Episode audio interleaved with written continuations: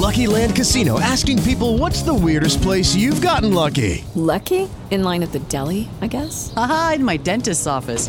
More than once, actually. Do I have to say? Yes, you do. In the car before my kids' PTA meeting. Really? Yes. Excuse me, what's the weirdest place you've gotten lucky? I never win and tell. Well, there you have it. You can get lucky anywhere playing at LuckyLandSlots.com. Play for free right now. Are you feeling lucky? No purchase necessary. Void where prohibited by law. 18 plus. Terms and conditions apply. See website for details. Dve žene dva biznisa, i svi koraci koji su potrebni da bi se oni razvili. pričamo vam naše priče, dok razvijamo naše biznise. Ćao svima, vratile smo se u Krenule smo dva, jako sam ponosna na to. E, ispred mikrofona je Aleksandra i Vladimira i krećemo prvo sa recapom, jel da? Da, ćao svima. E, ono što smo dužne u stvari da ispričamo jeste e, da malo objasnimo i pojasnimo naš logo i obećali smo da ćemo se potruditi da saznamo e, neki broj, barem okvirni koliko ima novinarki u Srbiji. Hajde da počnemo sa našim logom. Može. Jedino što bi ja e, sam izgled logova prepustila tebi zato što si u stvari ti krivac, odnosno ti si zaslužna za taj e, logo, tako da molim te pojasni zašto imamo tri kruga, famozna. A, iako nisam e, grafička dizajnerka, nekako logo sam napravila na brzinu. Naravno da sam koristila platformu Canva, tamo radim e, sve žive grafičke e, dizajne i rešenja. A u stvari u logovu imamo tri kruga, jedan krug si ti, drugi krug sam ja, a taj treći je u stvari biznis, kao nešto što nas spaja. Krugovi nisu povezani, ali u stvari neka simbolika tog kruga kruga ili krugova jeste to što krug nema početak, nema kraj, nema uglove, nema stranice, znači stalno se vrtimo u krug, radimo, testiramo, nešto radi, nešto ne radi. E, s druge strane, neka simbolika tog kruga je i zajedništvo, revolucija na kraju krajeva. imamo tri boje, to je siva, neka koralno crvena i žuto naranđasta, sad nisam dobra u nazivima boja, tako da izvinite što grešim u i što nisam tačna. Ta siva, to je siva e, boja metala i to je simbolika neke e, tehnologije, inovacije, a svakako e, obe se trudimo da u naš posao, u naš biznis uvodimo inovacije, da li u pristupu novinarstvu ili u pristupu komunikacijama, ali svakako jesu inovacije.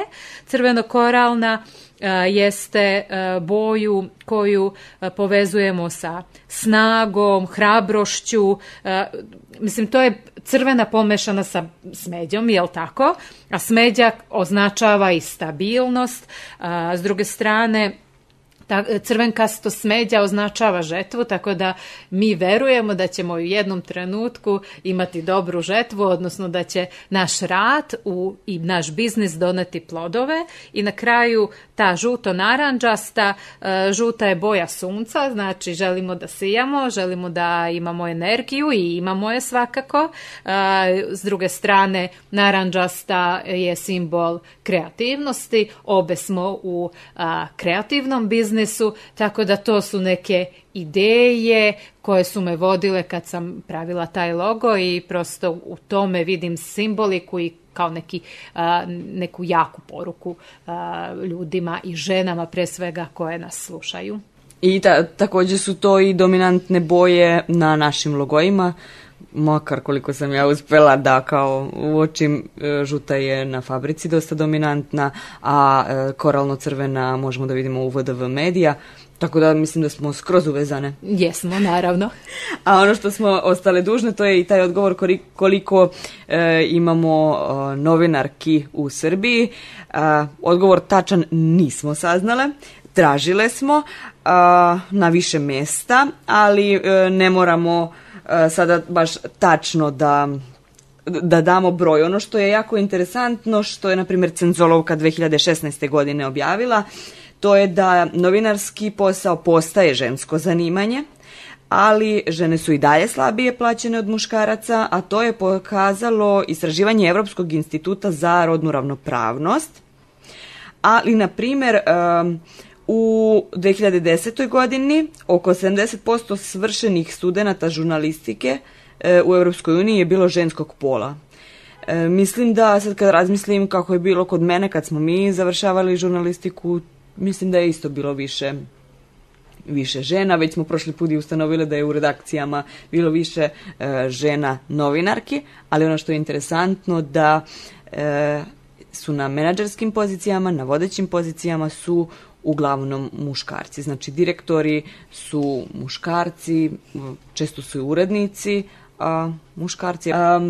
ono što je još, e, do kojih smo podataka još došli, jeste da je e, NUNS u tekstu Sloboda ulaska u novinarsku profesiju objavio da, doduše to je dosta e, starije istraživanje i, i tekst, po popisu i stanovništva iz 2002. godine sa oznakom novinari i drugi publicisti e, je bilo 6148 ljudi opredeljeno od čega je među njima 21% pripadnik drugih nenavedenih delatnosti u odnosu na usko novinarske kao što su radio i TV koji su 34%, izdavanje novina 26%, djelatnost drugih agencija 6%, časopisi su 2%, to nam nije toliko bitno. Koliko nam je bitno to da je po tadašnjem popisu stanovništva možemo otprilike proceniti da je bilo oko 4200 novinara. NUNS također ima i bazu podataka, ali ta baza nije e, baš nekredibilna, nego prosto nije tačna zato što se oni upisuju, novinari i novinarke se upisuju sami ako požele u tu bazu. E, tako da je u bazu tada bilo upisano 3987 novinara, i većina tih novinara koji su upisani u bazu su muškog pola, 55%, ima srednjoškolsko obrazovanje, 53% i staro između 35 i 49 godina. Vjerojatno se to sada i promenilo, tako da baš i kad sam e, tražila, tražila sam na više mesta između novinarki koje prate prosto i, i žene i E, njihov položaj generalno, e, došli smo do zaključka da je to prosto teško taj broj novinara e, i novinarki ustanoviti, ali da je tačno to da prosto na vodećim pozicijama su menadžeri, ne menadžerke u medijskom prostoru i mislim da je vrijeme da to malo menjamo. Pa da, dok smo se i pripremale za ovu drugu epizodu, pričale smo sa kolegama i koleginicama, baš ovdje gdje snimamo u NDNV-u i u stvari odlično nas je podsjetio uh, direktor, izvršni direktor NDNV-a, Veljko Milić, da nova medijska strategija u njoj se navodi da u narednom periodu da će se praviti neka analiza stanja u medijskom prostoru, a to znači i, i ta neka demografija, tako da ako se bude realizovala strategija, verovatno ćemo imati više informacija, ali svakako nije ni važan taj broj. Apsolutno ne treba da prebrojavamo krvna zrnca, a gledamo DNK, važno je da li smo profesionalni i profesionalne, a ne da li smo žene i muškarci. Slažem se, slažem se. A danas pričamo o biznisu, o našoj preduzetničkoj ideji. O, ovu epizodu podcasta smo nasvali imam preduzetničku ideju, a šta sad sa njom? Gde se ja jako pronalazim, moga to u tom pitanju. I ja još uvijek i posle dve godine. Tako da, um, danas ćemo više pričati o preduzetničkoj uh, ideji, o tome kako smo mi razvijale ili kako još uvijek razvijamo.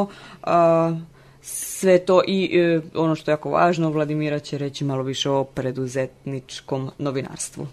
E, neću puno gnjaviti o preduzetničkom novinarstvu, svakako o tome e, u zadnje dve nedelje pričam na, najviše na Instagramu, tako da ko želi da više sazna, prosto nek me zaprati tu.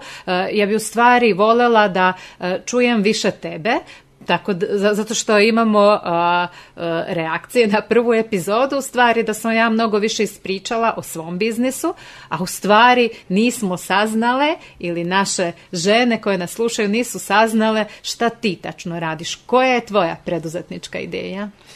Da, nismo saznali zato što ni ja još nisam tačno odredila sve. Da, tu se upliče i taj biznis plan kog ćemo se dotaći, koji ja još uvijek nemam, možda je to u stvari i ceo problem. E, poenta fabrike kreativnosti e, i sadržaja koje želim ili želimo, pošto nas ima sad dvoje, troje koji tako radimo na, na svemu tome, jeste prosto plasirati kreativne sadržaje u više oblika. Medij još uvijek nije registrovan, ali i to je u planu sad skorije. Cilj fabrike jeste produkcija sadržaja, video i audio koji nisu toliko, ja, ja to često kažem, aktuelni, u smislu u sadašnjem vremenu, nego su prosto možda sporovozniji, ali su ispričani na ili na drugačiji način u smislu korišćenjem prosto drugih tehnika. I ono što je jako važno što neće biti e, u sadržaju u fabrici osim sad nekoliko kao što smo, krenule smo koji je podcast ali svakako ni on nije toliko aktualan nego je više iz e, iz našeg ugla ispričan, tako će i ostali sadržaj biti malo više fokusirani na možda umetnost, e, na pričanje priča, na pisanje priča, s obzirom na to da sam ja i e, napisala dve knjige na rusinskom jeziku i ta doza umetnosti i možda mešanje umetnosti i novinarskog pristupa je ono što će, nadam se, isticati fabriku u ovom polju. Neću otkrivati šta tačno imam u planu da ne bi kako se kaže da ne bi pokvarila te planove ali mislim da već od proleća ili od leta očekuju nas još e, u fabrici još dva, dva projekta koja su jako interesantna koja će možda više otkriti e, čime će se fabrika baviti ali ono što mogu da kažem jeste da e, će podcasti biti jako važan deo fabrike s obzirom na to da koliko god ja a to sam rekla i u prošlom podcastu, ali koliko god ja želim taj video da uključim, e, meni je audio prosto valjda u krvi i jako volim time da se bavim, jako volim da pokažem šta zvuk sve može. Tako da možda će to u stvari slušaoci i gledaoci i pratioci u stvari uh, fabrike kreativnosti moći da očekuju. E, znači sadržaj koji je fokusiran na audio. Da, na audio i pomešan sa umetnošću, tako bi ja to rekla. Odlično, mislim to je važno, rekle smo fokus, fokus je jako važan i u stvari tu krećemo da odgovaramo na pitanje. Imam preduzetničku ideju i šta s njom. Svakako prvo i prvo moramo da znamo koji je naš proizvod, znači proizvod te ideje, koja je naša zajednica kojoj plasiramo proizvod. I na kraju krajeva koji je naš prihod, naša zarada, jer to je biznis i nije ništa strašno kad govorimo da želimo da zaradimo, da želimo nešto da prodamo. E, na Balkanu je to malo onako škakljiva tema, ali svakako je to nešto najnormalnije. E, ja sam, eto, tvoj neki budući proizvod će biti online medij koji će imati te razne sadržaje. Moj proizvod je isto online medij koji plasiram u svoju lokalnu zajednicu i pokušavam, mislim svaki proizvod jel da treba da reši neki problem, možda da ispuni neku prazninu. Ja na neki način sa mojim portalom popunjavam prazninu u javnom informisanju.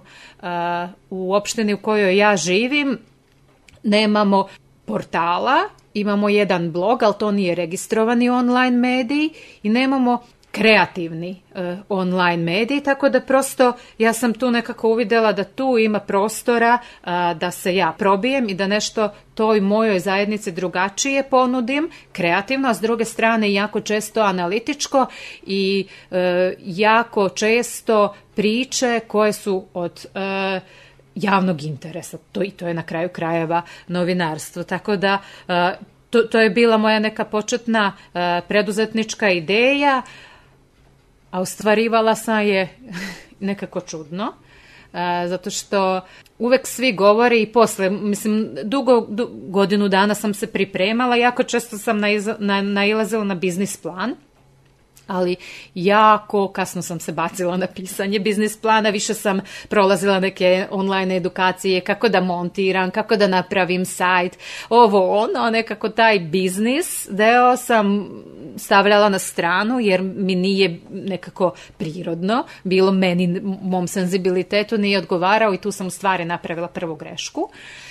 Što sam svakako polako ispravljala kad tih, tih dana ili tog meseca kad sam pripremala dokumenta za registraciju i, i u stvari kad sam konkurisala za subvencije za samozapošljavanje, o čemu ćemo pričati drugi put, ali moj biznis plan je jako štur bio, jako onako nije bio dobro razrađen i mislim da nije bio realan.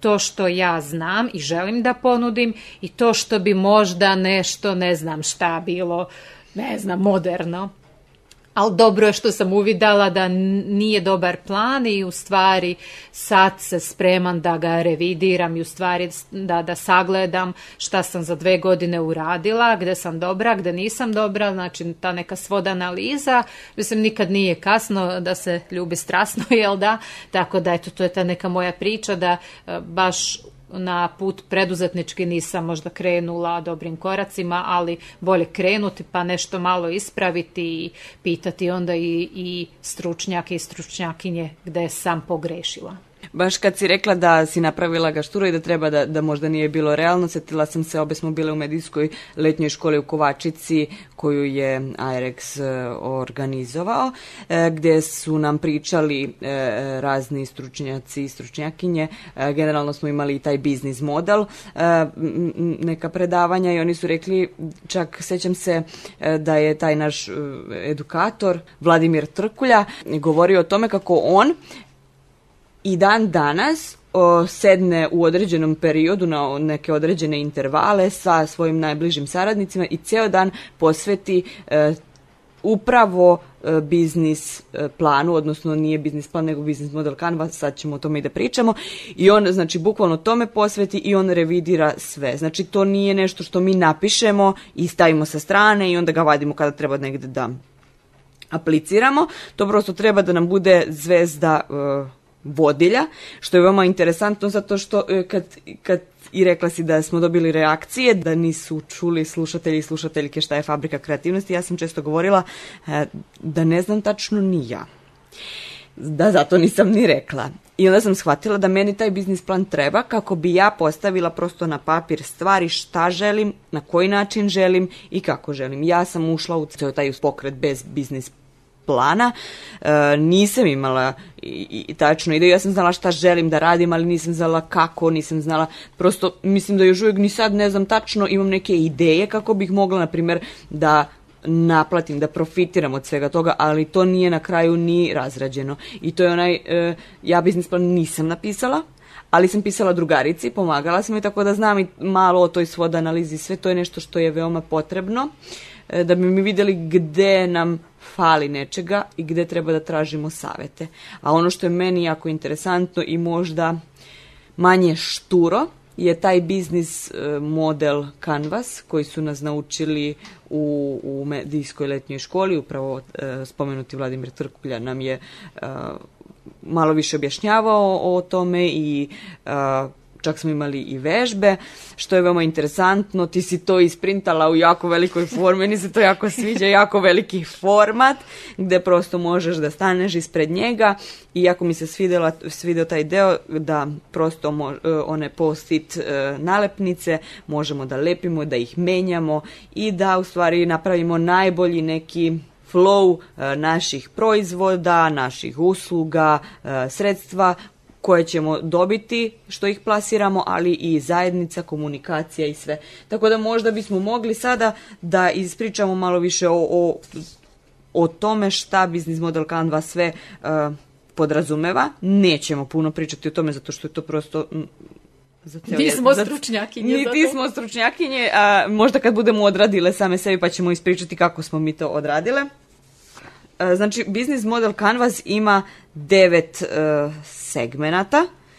E, imamo segment kupca, gde je važno objasniti koji su naši najvažniji kupci, za koga stvaramo tu taj, taj proizvod. U stvari, to je ta zajednica kojoj rešavamo neki problem. Onda imamo predloženu vrednost, to je određena osnovna vrednost koju donosimo kupcu, odnosno svakom članu te zajednice. Da bismo lakše došli do te vrednosti, e, treba da odgovorimo upravo na to pitanje šta rešavamo u zajednici, šta rešavamo svakom pojedincu. Stvari, zašto bi neko došao kod nas.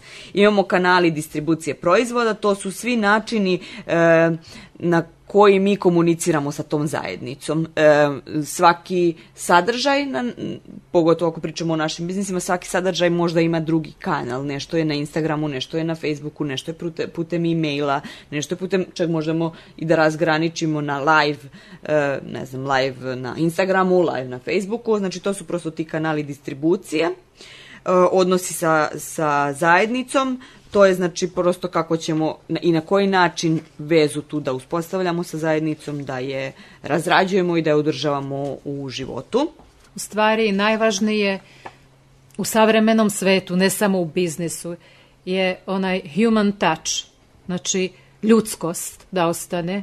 Biznis je vrlo ljudska stvar. Tako da prosto ta komunikacija, održavanje i građenje a, odnosa sa našom zajednicom je nešto najvažnije i trebalo bi da bude u fokusu svakog a, čoveka ili žene koja je u biznisu. Prosto u stvari sve mi što radimo, radimo za, za ljude. Znači ne treba ljude posmatrati kao kupce i kao neke možda e, nepostojeće nevidljive ne znam, ili lica ili nešto kome mi plasiramo to, već treba da upoznamo našu zajednicu i da prosto njima plasiramo to. A najbolje ćemo u stvari plasirati to ako znamo šta oni tačno žele, kakvi su. A to se dešava putem komunikacije. Da. I onda idemo na taj deo kada je biznis model Canvas uh, uh, u pitanju, uh, preduzetnički biznis, profitabilni, to su tokovi prihoda, kako ćemo generisati prihode, kako ćemo doći do, do prosto sredstava kojima ćemo omogućiti naš rad i e, koliko su e, ljudi u našoj zajednici spremni da e, plate to što mi plasiramo. Tu si čak spomenula i da pratiš razne radionice generalno ne samo u Srbiji već i u svetu. O, obe smo negde i u tome pošto se edukujemo kako plasirati ti, si, ti više i držiš edukacije ja se učim kako plasirati te proizvode.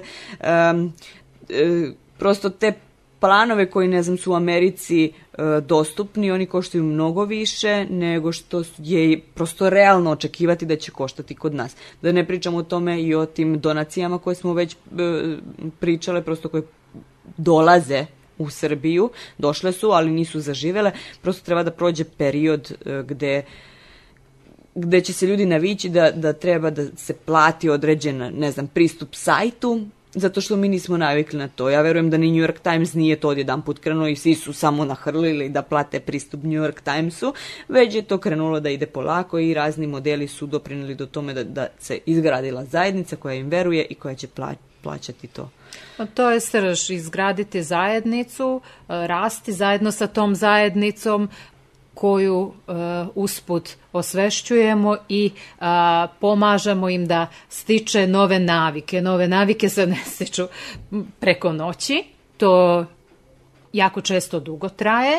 Uh, jako teško menjamo svoje navike, tako da treba biti samo strpljiv i prosto strpljenje uvek donosi plodove i treba biti svestan da a, ništa nećemo postići preko noći. Tako da, da, zajednica, zajedno sa zajednicom da učimo da podržavamo jedni druge i onda će doći i ti rezultati i doći će i ta podrška od tvoje zajednice kojoj rešavaš taj neki problem ili donosiš novi impuls u njihove živote. I samo još da kratko završimo sa svim elementima Business Model Canvas, koji ćemo sažetije postaviti i u tekstu podcasta na našim sajtovima. Znači, ključni resursi, resursi mogu biti fizički, intelektualni, ljudski, financijski, ključne aktivnosti, koje je potrebno e, izvršiti da bi prosto napravili taj proizvod i da bi ga plasirali našoj zajednici, ključni partneri koji nam pomažu u, u, u tržištu i e, koji nam pomažu da se plasiramo na tržištu, da napravimo proizvode s kojima ćemo izaći na tržište. I struktura troškova, to je možda neki finalni deo o, ovog poslovnog modela gde se predstavlja zbir svih troškova koje imamo i svih prihoda koje imamo i prosto da vidimo da li je taj biznis održiv ili nije. Da, održivost je jako važna i ja verujem da ćemo obe napraviti biznis planove koji će pokazati da je naš biznis održiv. Nadamo se. ok, znači kada uh, napravimo biznis plan ili popunimo na, na zidu uh, biznis kanvu, uh, idemo da registrujemo u stvari to neko preduzeće, uh, preduzetničku radnju, DOO ili udruženje. Mislim svakako i to je biznis. Na APR-u postoji super informacija kako i šta, svi potrebni e, dokumenti, e, kakva taksa se plaća, tako da ja o tom delu neću ni pričati. Ja sam pre dve godine osnivala preduzetničku radnju, ja sam paušalna preduzetnica, e, meni je to paušalno u tom trenutku odgovaralo i još uvek mi odgovara, tako da uh, u taj deo neću zalaziti. Uh, mnogi stručnjaci i stručnjakinje o tome mnogo više znaju, recimo uh, knjiški moljac, kog pratim i koji u stvari uvek super daje savete, posebno za paušalne preduzetnike i preduzetnice.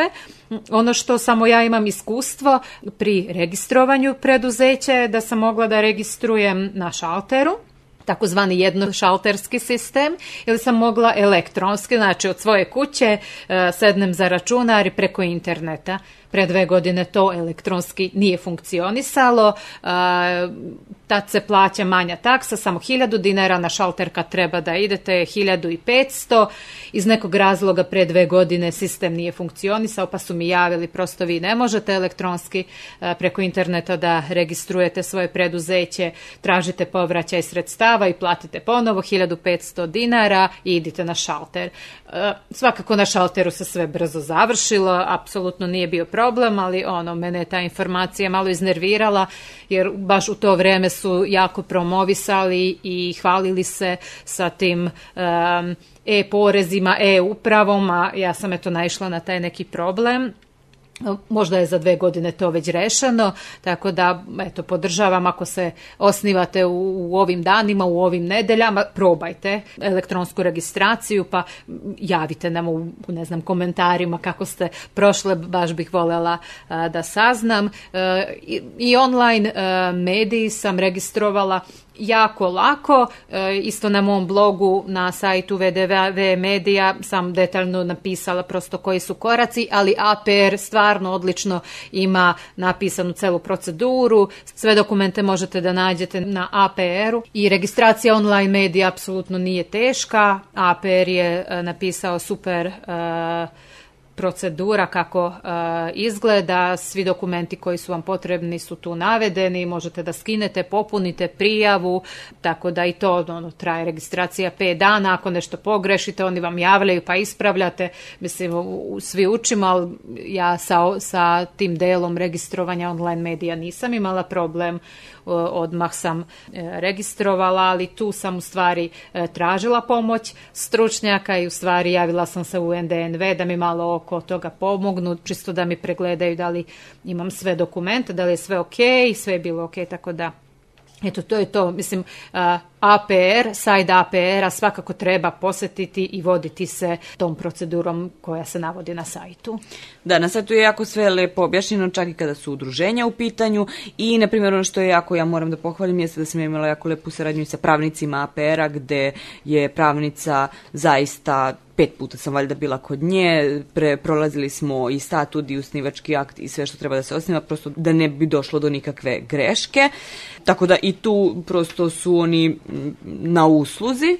Ono što je isto važno, rekla si dokumenta da se nalaze na sajtu, na sajtu se takođe, na primjer, za udruženja nalazi i template statuta, gde e, vi možete da izmenite taj statut po vašoj potrebi, ali prosto vam stoji sve i crvenim slovima vam je označeno ono gde treba vi da unesete svoje podatke. Znači, jako je sve uprošteno.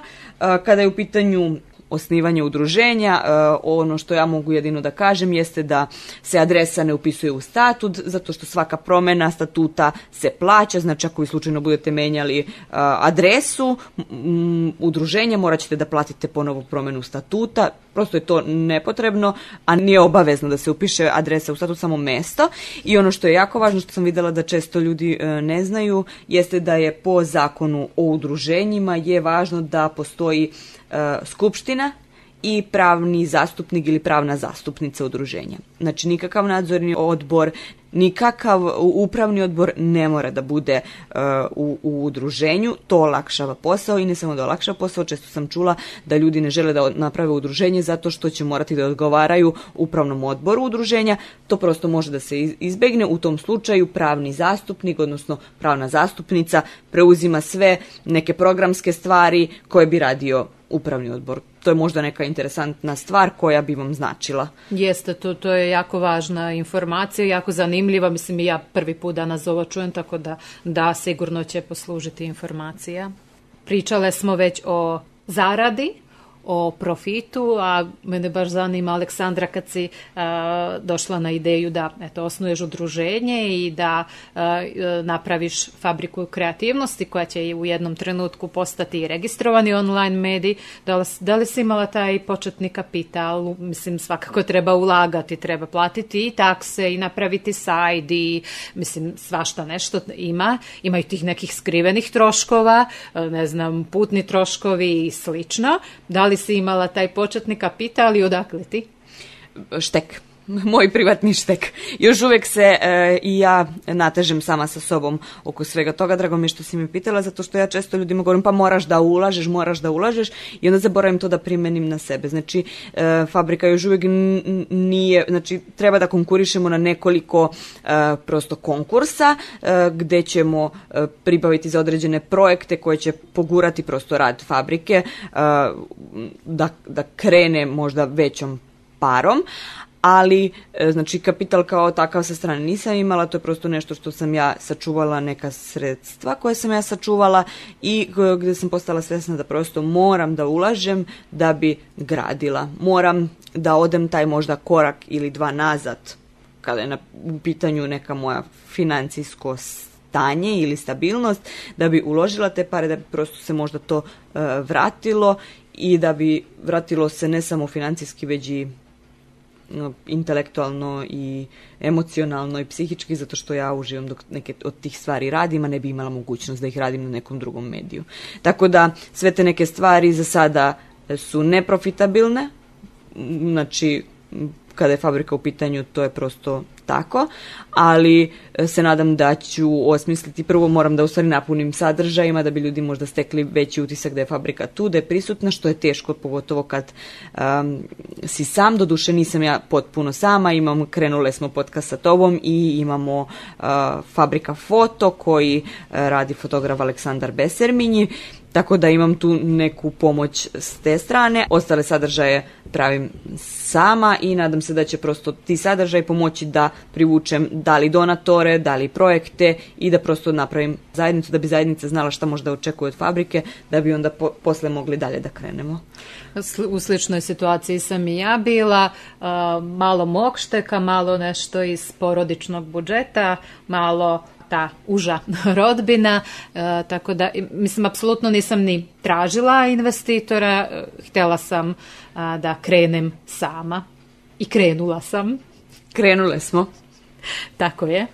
Sada smo već došla pred kraj ovog izdanja, tako da sledi savjet. Hvala što ste nas pratile i ovog meseca ukoliko imate pitanja bilo kakva, znači vezana za e, preduzetništvo, novinarstvo i teme o kojima mi pričamo, e, pošaljite nam u poruci, u komentaru, prosto tu smo za vas. Ako ne znamo mi odgovor, verovatno nećemo znati, ali znamo ko zna, potražit ćemo e, odgovor da, da biste i vi e, malo više saznale o tim nekim temama, tako da prosto pratite nas, slušajte nas, kad imate pitanje u komentaru bacite pitanje i mi se bacamo u potragu za odgovorom. Tako ćemo i vama i nama pomoći pošto vjerojatno ste se srele sa nekim problemima s kojima se mi još nismo, a možda ćemo vam mi pomoći u pronalasku odgovora, s time ćemo pomoći nekoj većoj zajednici.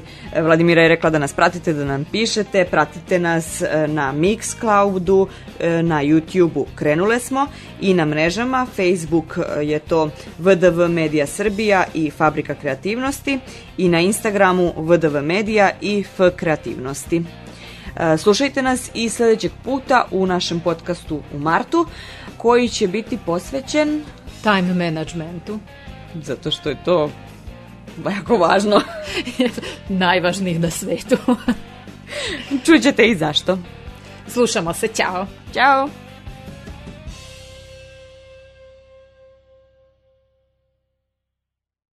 Best friends and Broadway superfans Jeff and Judy wait at the stage door every night to catch a glimpse of their idol Adina Menzel in the hilarious new comedy, Which Way to the Stage. But when a sexy stranger enters the scene and upends their friendship, Jeff and Judy have to go off book to rewrite their own finale. Called the best new comedy since theaters reopened by The Rap and zippy fun by the New York Times. Grab your best friend and see Which Way to the Stage at Signature Theater now through January 22nd. Get tickets at sigtheater.org.